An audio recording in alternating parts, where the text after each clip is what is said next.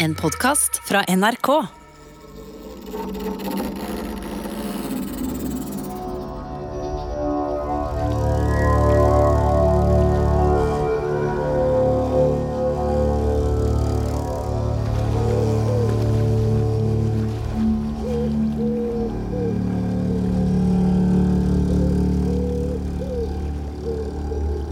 Året er 1170, sånn cirka.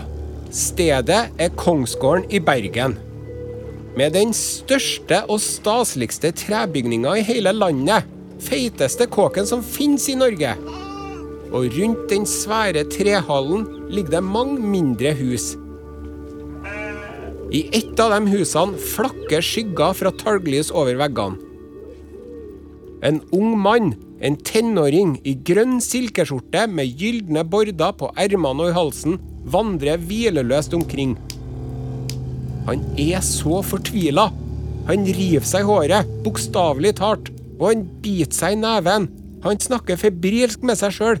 Nei, nei, nei, nei, nei, nei, sier han til seg sjøl. Jeg nekter. Jeg går ikke med på det. Jeg vil ikke. Og det er jeg som er konge.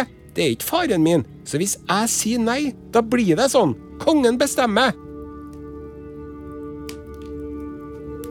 Den unge mannen springer ut av huset, over gårdsplassen, bort til et annet lite hus, stopper ved døra, trekker pusten, sier til seg sjøl Jeg er sjefen. Jeg er sjefen. Så banker mannen kort på døra, åpner den og går inn. Der er faren hans. En høy og kraftig og mektig mann med grått hår på et hode som ser ut som det står litt skjevt på kroppen. Det er derfor han kalles Erling Skakke, faren. Faren løfter blikket fra kartene og dokumentene og pergamentrullene på bordet foran seg og ser på sønnen sin. Magnus Erlingsson, den unge kongen av Norge. Han hever et øyenbryn og sier ventende ja. Nå eller aldri, tenker den unge mannen. Han nøler litt, så kremter han og tar sats. Far, far, jeg kan ikke være med på det. Han er broren min, far. Min egen bror. Fins det ikke noen annen løsning? Snille pappa, kan ikke vi la han Harald få leve? Jeg ber om nåde for Harald Sigurdsson.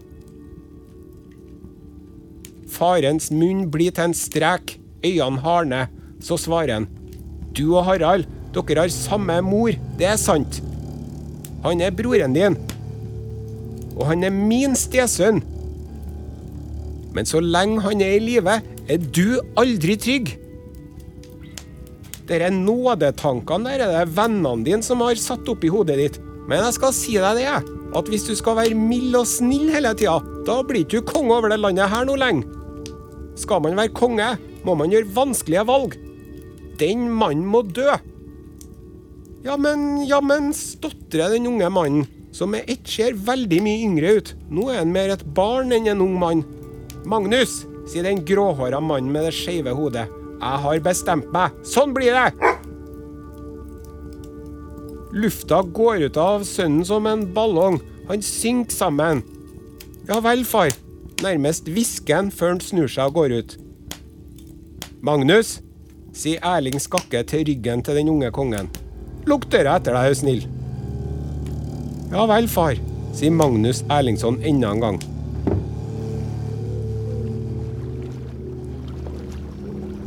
Samme kvelden blir kongens halvbror henta ut av fangehullet i Kongsgården.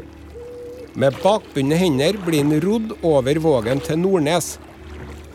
Der drar de han opp på land og halshugger ham.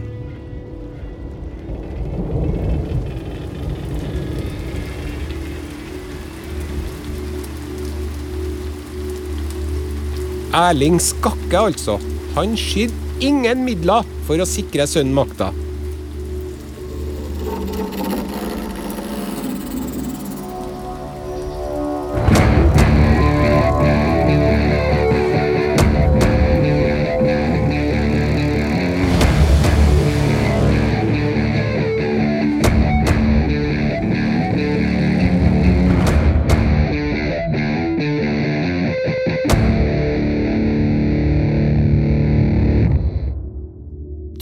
Hører Kongerekka med Are Sende Osen, sesong to. En podkastserie om de norske kongene. Episode ti Magnus Erlingsson. Kongen som sto i pappas skygge.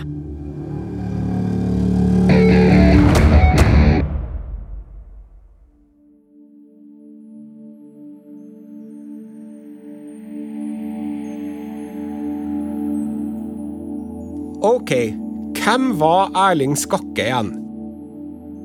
Jo, han var en viktig stormann og lendmann fra Etne i Sunnhordland. En av Norges mektigste menn.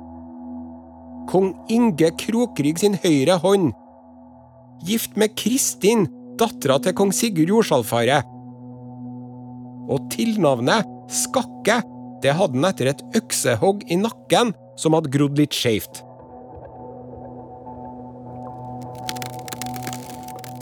Da kong Inge Krokrygg ble drept på isen på Oslofjorden, da tok en Erling Skakke og samla sammen alle de mennene som hadde brukt å følge en kong Inge, til et møte om å prøve å ta tilbake makta over Norge. Ja, det ville flokken gjøre. Men de hadde et problem, og det var at de hadde ikke noe konge. Kong Inge Krokrygg hadde ikke noe barn som kunne overta. Så da var neste punkt på programmet nettopp det. Hvem skulle de ta til konge? Og så ble det nevnt noen kandidater. En dattersønn av kong Harald Gille, og en søstersønn til kong Magnus Berføt, og en bror til kong Inge Krokrygg. Men det var liksom ingen som hadde noe lyst på jobben. Men så var det en som foreslo. Folkens, jeg har en idé!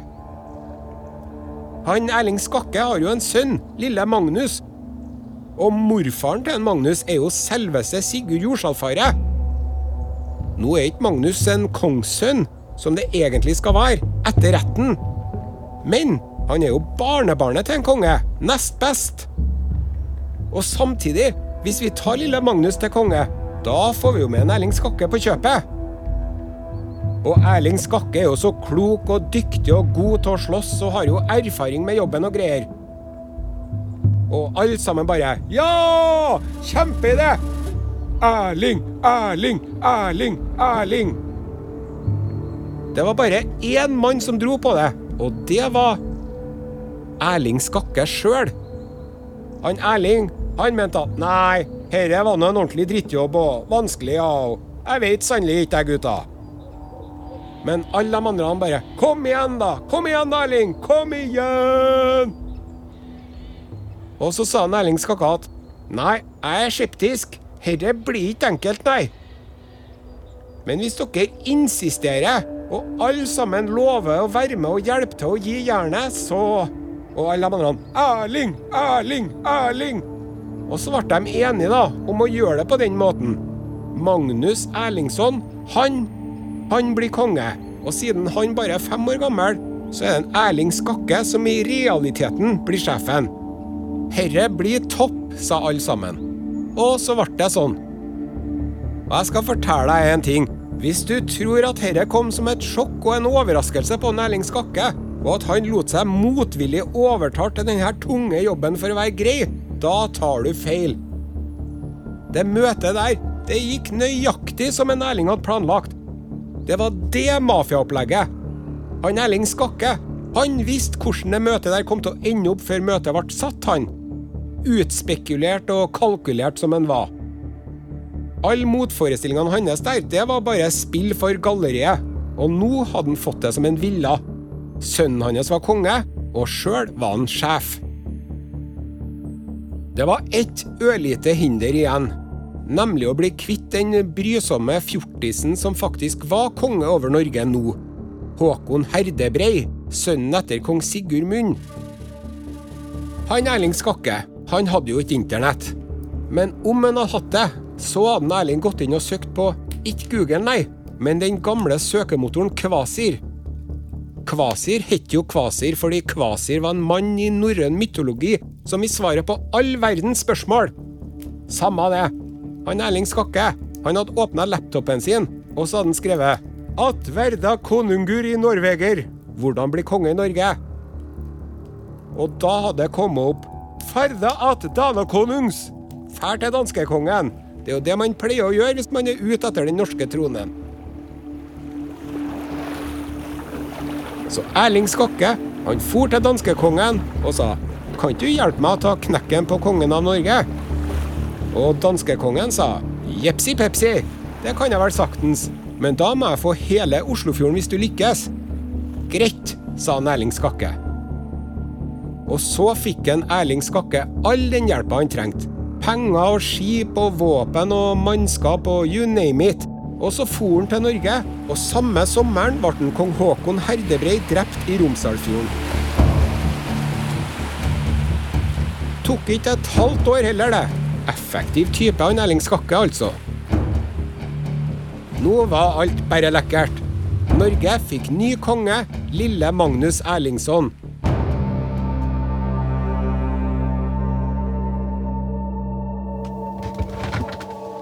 Seks år gamle Magnus satt i kongsstolen og vippa med fotene sine som ikke nådde ned til gulvet engang. Han syntes det var kjedelig å sitte i ro så lenge. Lille kong Magnus han var mer interessert i å leke med de andre ungene enn å sitte sammen med stormennene og styre og stelle. Da passa det jo veldig bra at en Erling Skakke sto rett bakom stolen. Han var makta bak tronen, bokstavelig talt. Han var makta bak tronen, og han var riset bak speilet. Og han styrte Norge med hard hånd. Hvis noen drev og kødda med en Erling Skakke, hvis det var noen stormenn eller noe som prøvde seg på noe sprell, og han fikk tak i dem, da kunne det gå to veier. Hvis en Erling Skakke drev og kjefta fælt, og brukte seg på dem, og kritiserte dem, og fortalte dem hvor utrolig dum og tjukk i hodet de var, og hva var det som foregikk oppi skolten din, og trodde du virkelig du kunne komme unna med det? Er du helt idiot, eller? Da gikk det som regel greit med dem. Da fikk de seg en smekk på lanken og beskjed om å ikke å gjøre det igjen. Og så var det greit. Men hvis en Erling Skakke ikke sa noen ting, hvis en ikke kjefta på deg, da kunne du regne med å bli hengt fra et tre etter nakken, eller få kappa i hodet, eller bli bitta fast til et anker på en båt og kasta over bord. Han Erling, han var en hard negl og en god mafiaboss. Don Erling Skakke. Og han sørga for en ny arvelov i Norge. Vi går fra ett system over til et annet. Altså en veldig big deal. Tronfølgeloven av 1163. Fram til nå så hadde det vært sånn at alle som hadde en far som var konge, dem kunne bli konge. Alle kongssønner hadde i utgangspunktet lik rett til tronen. Men Erling Skakke og erkebiskopen inngikk en avtale om at fra nå av var det kongens eldste ektefødte sønn. Han! Han hadde førsteretten til tronen. Og ingen andre, egentlig. Den avtalen her var resultatet av en real hestehandel mellom Erling Skakke og erkebiskopen. Erkebiskopen fikk mer makt fordi kirka fikk være med å bestemme hvem som skulle være konge i Norge, men Erling Skakke fikk sikra posisjonen til sønnen sin. Åtte år gamle Magnus Erlingsson var den første kongen i Norge som ble krona og salva av erkebiskopen. I Bergen i 1163, altså. Nå var lille Magnus ikke bare konge, han var konge av Guds nåde.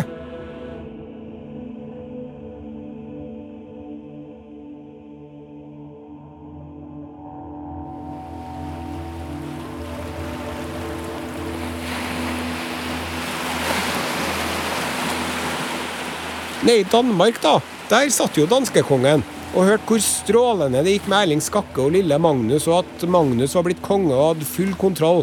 Og da sa danskekongen Hallo, hadde ikke vi og han Erling Skakke en avtale om at når sønnen hans ble konge i Norge, så skulle jeg få hele Oslofjorden? Dere, stemmer ikke det, eller har jeg drømt det? Og alle rådgiverne til danskekongen sa at nei, du har helt rett, han tok deg i hånda på det, han Erling Skakke. Og så sendte danskekongen et brev til Norge hvor han sa ja, skal jeg få Oslofjorden snart, eller? Og en Erling Skakke sendte tilbake beskjed om at Sorry, det går ikke likevel. Oslofjorden vil heller være norsk. Da kan du tenke deg at danskekongen fikk det vondt inni følelsene sine. Å, han var skuffa. Å, han var såra. Å, han var vonbråten. Og sa bare at dette er dårlig stil, Erling Skakke. Og bare vent til neste år. Da kommer vi og tar Oslofjorden.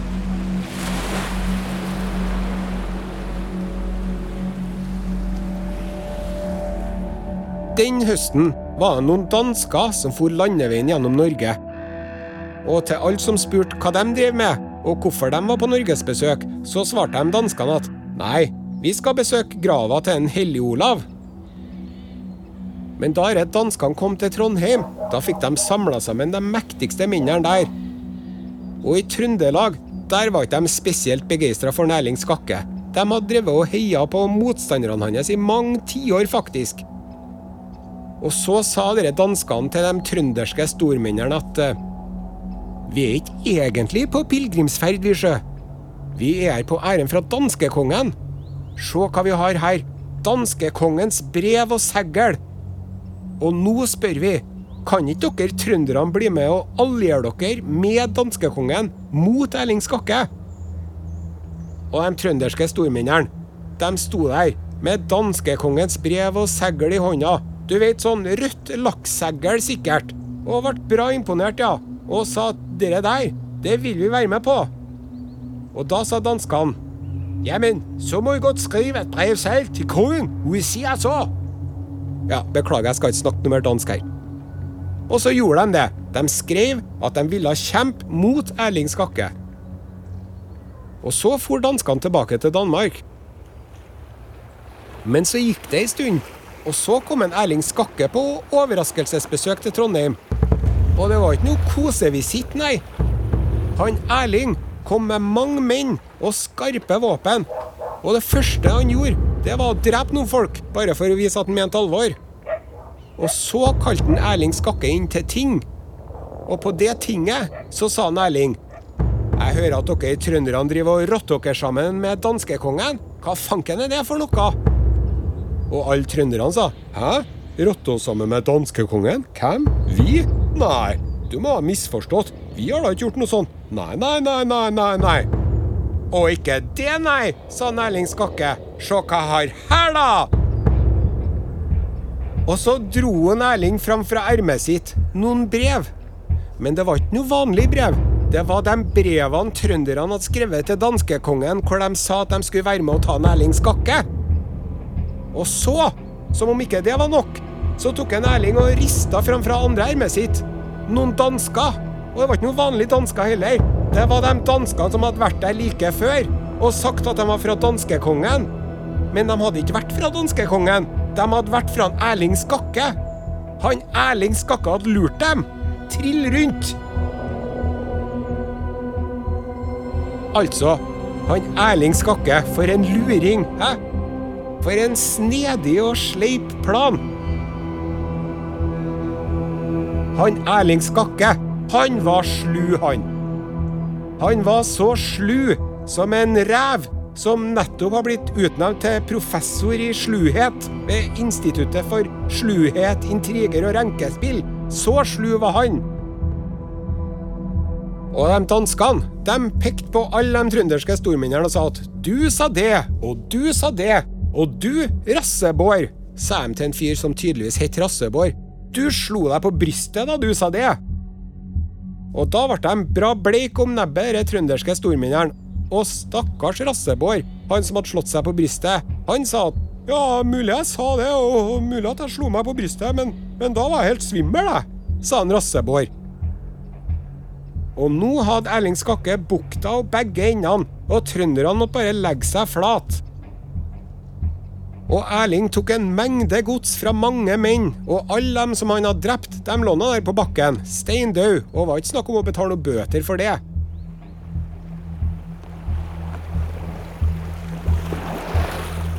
Så for Erling Skakke tilbake til Bergen igjen, glad og fornøyd, og hadde knekt trønderne godt og grundig, så nå var det ikke noe trøbbel fra den kanten ei stund.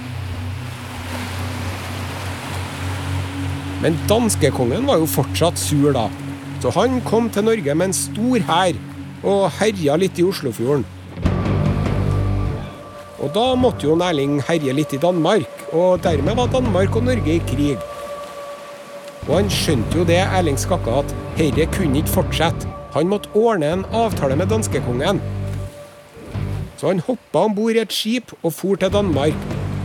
Og der fikk han greie på hvor danskekongen var hen, og så for de dit. Og kom fram ved middagstid, Erling og elleve menn. De hadde på seg hatt og kappe, men under hatten hadde de hjelm, og under kappa hadde de brynje og sverd. Og så gikk de til det huset danskekongen var i. Han satt og skulle akkurat til å spise middag sammen med 80 mann. Men ingen av dem hadde noe våpen. Og så sa han danskekongen. Erling Skakke, du her? Hva du vil? Vi må snakke sammen, sa han Erling. Og det må vi gjøre uten at du dreper meg, verken her eller på hjemveien. Jeg vil ha grid. Dristig av en Erling Skakke. Han var jo overmanna. Danskekongen hadde jo 80 mann. Sjøl om de ikke hadde våpen, så visste Erling det at hvis det skar seg nå, da var det slutten. Men de skulle nå klare å ta med seg danskekongen og en gjeng med mennene hans hvis det skar seg. Heldigvis så skjønte jo danskekongen akkurat dette her, så han sa at grid, ja, visst skal du få grid, ikke noe problem. Og så tror jeg at eh, danskekongen ble litt imponert over hvor frekk og freidig og modig han Erling Skakke var. Og Erling var til danskekongen ei stund. Og de snakka mye om det der at Erling hadde lovt danskekongen Oslofjorden, men at han ikke kunne gi det til ham, og hvordan de skulle løse den knuten. Erling hadde jo et svar på det òg, han. Enn om du gjør meg til jarlen din over Oslofjorden, så kan jeg passe på Oslofjorden for deg. Og sånn ble det. Erling Skakke ble danskekongen sin jarl over Oslofjorden. Han Erling Skakke, som ei katte som lander på fotene, skal fortelle at hvis en Erling mista ei brødskive, da klaska ikke peanøttsmøret i gulvet, nei. Det skal jeg fortelle deg. Erling Skakke, stormann og lendmann og far til kongen, var han jo fra før. Nå var han jarl i tillegg. Manipuleringens mester.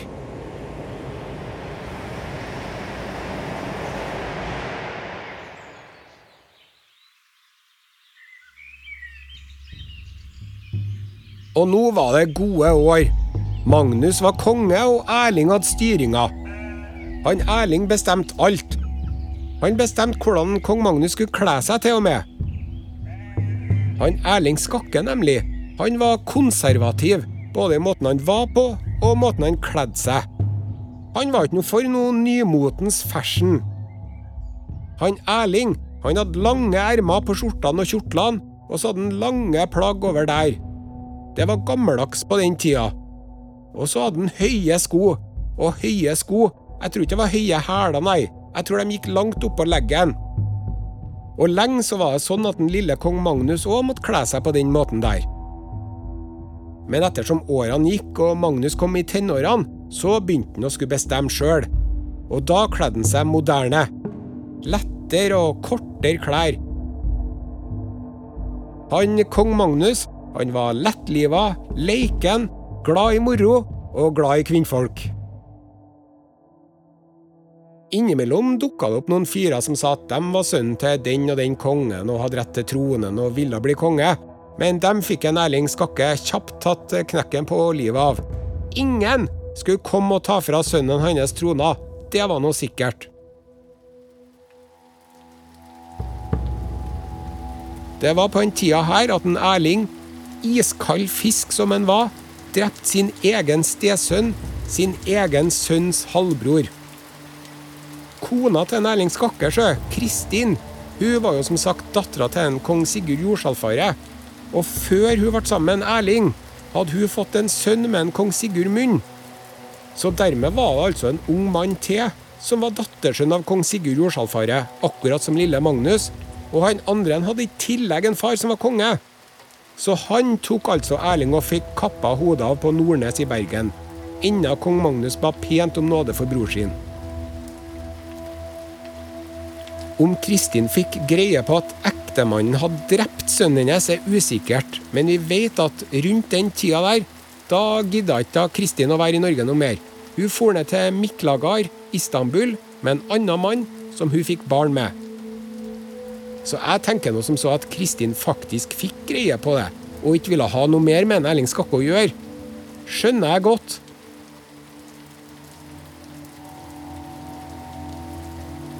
Sånn gikk nå 15 år, og jeg har sagt det til kjedsommelighet, men jeg sier det igjen. Erling Skakke har full kontroll. Alle i Norge gjør som han sier. Riktignok var det fortsatt noen, er ikke alltid, som ikke klarte å innse fakta, og fortsatt trodde de kunne få kasta både kong Magnus og Erling Skakke. Men de var bare noen lusete, magre, sultne fillefranser i skogen. De hadde i hvert fall ikke noe høye sko. De var en så dårlig utstyrt røvergjeng at de drev og spente bjørkenever rundt leggene sine. Birkebeinere kaltes de. Og hver gang dere birkebeinerne prøvde seg, så tok en Erling Skakke, og etter hvert kong Magnus, faktisk, og drepte lederen deres. Gang etter gang skjedde det på 1160- og 1170-tallet. Men akkurat idet Birkebeinergjengen holdt på å bare fisle ut som en våt fis, fikk de seg en ny leder. Fra Færøyene, som påstod at han var sønnen til en kong Sigurd Munn. Men det er det ingen som tror på, i hvert fall ikke i dag. Sverre Sigurdsson kalte han seg. En skjeggete liten tjukkas. Lang rygg og korte bein. Kort i lortfallet, som de sier. En liten gnom omtrent. Ja, han skulle nå bli lett match, han òg. Bare at han ble ikke det, vet du. Sjøl om en Erling Skakke hadde flere menn og bedre utstyr og større ressurser og egentlig burde ha ordna den biffen kjempelett, så viste det seg at den lille gnomen Sverre var usedvanlig seigliva. Og et skikkelig ledertalent. Han drev med geriljakrig. Angrep og stakk av. Angrep og stakk av. Og bygde seg større og større. Birkebeinerne var ikke lenger en lurvete liten gjeng. Sverre ble hylla som konge av tilhengerne sine. Det var visst ikke alle som brydde seg om den nye arveloven til Erling Skakke.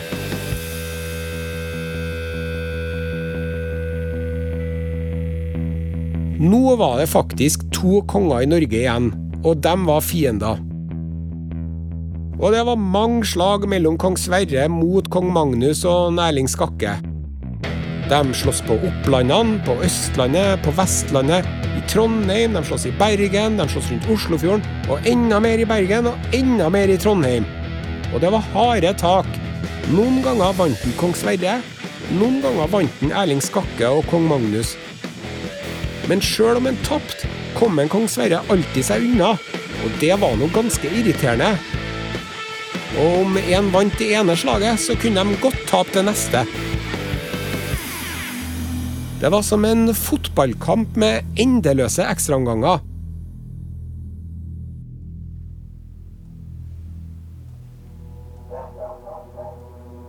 Og så var det en høst de barka sammen i Trondheim. Eller barka og barka, fru Blom. De for og leka sisten omtrent, og det var litt sånn småslåssing.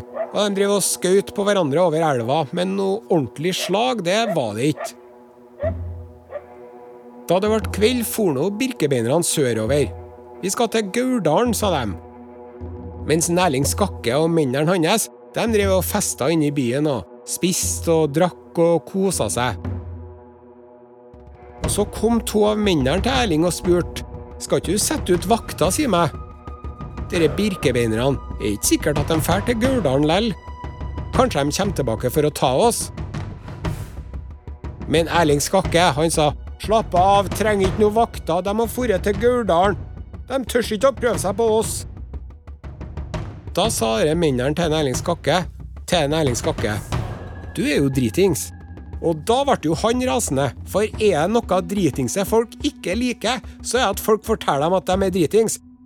Jeg er ikke dritings, sa han Erling Skakke. Feiginger! Og dere kan bare slappe av, for jeg skal holde vakt i natt sjøl, hvis det skal være på den måten.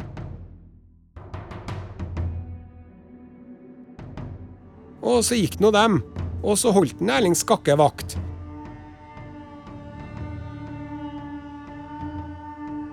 Ei stund, ja. Men så gikk han og la seg og kledde av seg og ordna ikke noe ordentlig vakthold.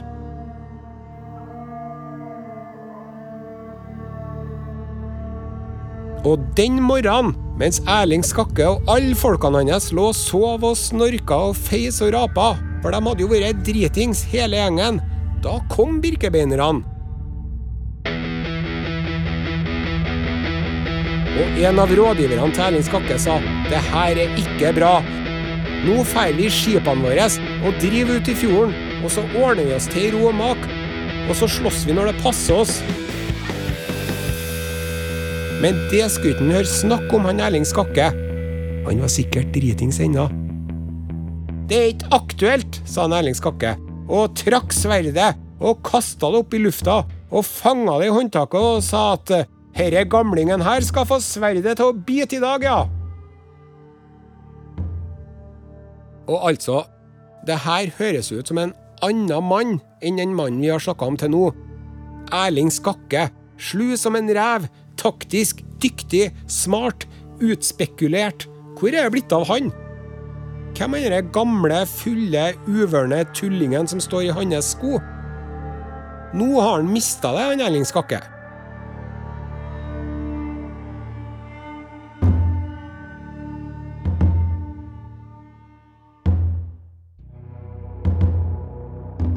Så begynte slaget, på en åker i utkanten av byen.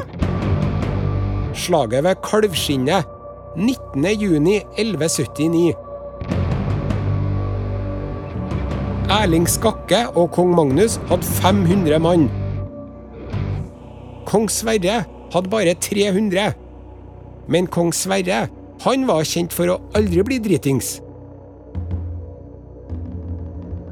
De drev nå og sloss, og Erling Skakke fikk et spyd stukket inn i livet. Dette var farlig, var det en som sa. Ingen fare, sa han Erling Skakke, og hogg en prest som var på det andre laget i ansiktet. Men så satte han seg ned, og sønnen Magnus kom bort til han. Da greide han ikke å snakke, han Erling. Kong Magnus sa, Vi møtes på gledens dag, far. Erling prøvde å si noe. Leppene rørte seg, men det kom ikke en lyd. Og sånn døde Erling Skakke. Don Erling Skakke var død. Da hadde han styrt landet for og med sønnen sin i 16 år. Og styrt for og med kong Inge Krokrygg i mange år før det òg. Erling Skakke var aldri konge i navnet, men i flere tiår var han Norges mektigste mann og bestemte alt. Så da faren døde, da stakk en kong Magnus Erlingsson bort fra åkeren og inn i byen og om bord i et skip og ut i elva og ut i fjorden og ut mot havet. Og stoppa ikke før han kom til Bergen. Da var de fleste i Norge enige om at OK, nå er det bare Sverre som er konge. Var bare kong Magnus og mennene hans som ikke var enig i det. Så nå var hele situasjonen snudd på hodet. Og nå tenker du kanskje at ja ja, nå er spillet over for Magnus Erlingsson. For det var jo en Erling Skakke som var hjernen bak han. Og det var han jo. Men han Magnus Erlingsson, han var slettes ikke så dum, han sjø. Bare at han kanskje ikke hadde fått vist det godt nok mens faren drev og styrte og bestemte. Men nå som kong Magnus fikk ansvaret sjøl, gjorde han en god jobb.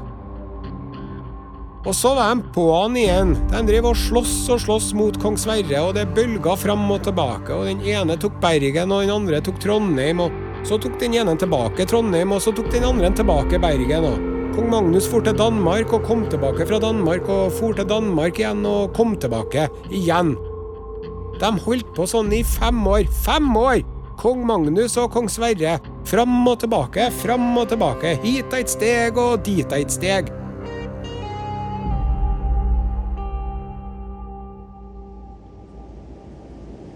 Men så, endelig holdt jeg på å si, nå kommer det siste slaget. Slaget ved Fimreite i Sogn i 1184. Kong Sverre var i Sogndal, for han skulle drepe noen bønder som hadde drept noen av mennene hans. Og dere hadde kong Magnus i Bergen fått snusen i, så han skyndte seg til Sognefjorden for å ta han Sverre en gang for alle. Han Sverre hadde nettopp tent på et par bondegårder. En bra dags arbeid, sikkert. Og han satt og spiste lunsj. Og så hørte han Sverre at det var noen som sa at eh, det kommer noen skip innover fjorden. Hvor mange er det? Nei, en seks-sju? Og så gikk det litt tid, så sa de nei, det er flere, det er flere, det er ti-tolv. Og så litt senere, det er enda flere, det er 26 skip. Og dette var ganske dårlig odds for kong Sverre. Han hadde bare 14 skip. Og 1000 mann, kanskje litt mer. Mens en kong Magnus hadde altså 26 skip og 2000 mann, kanskje enda flere. Hvis en kong Sverre hadde vært lur nå, så hadde han stukket av. Men vet du hva han Sverre sa? Han sa nå, gutta, nå er jeg lei av dette her. Jeg gidder ikke å stikke av. Nå skal vi slåss. Er dere med meg, gutta?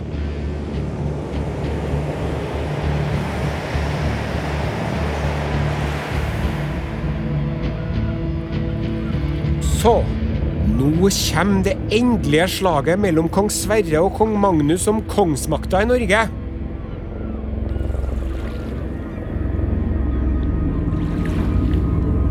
Skipene nærmer seg hverandre.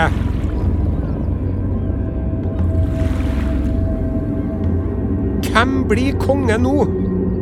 Magnus eller Sverre? Det blir nå én av dem. Men hvem?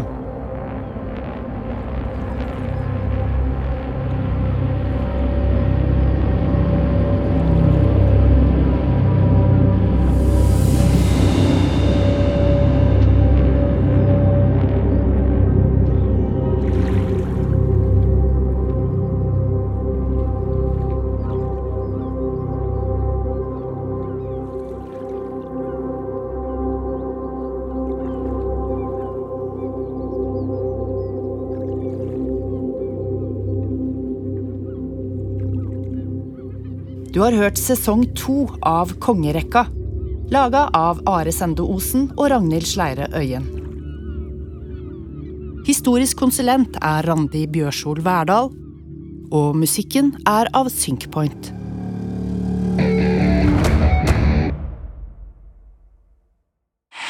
Du har hørt en podkast fra NRK.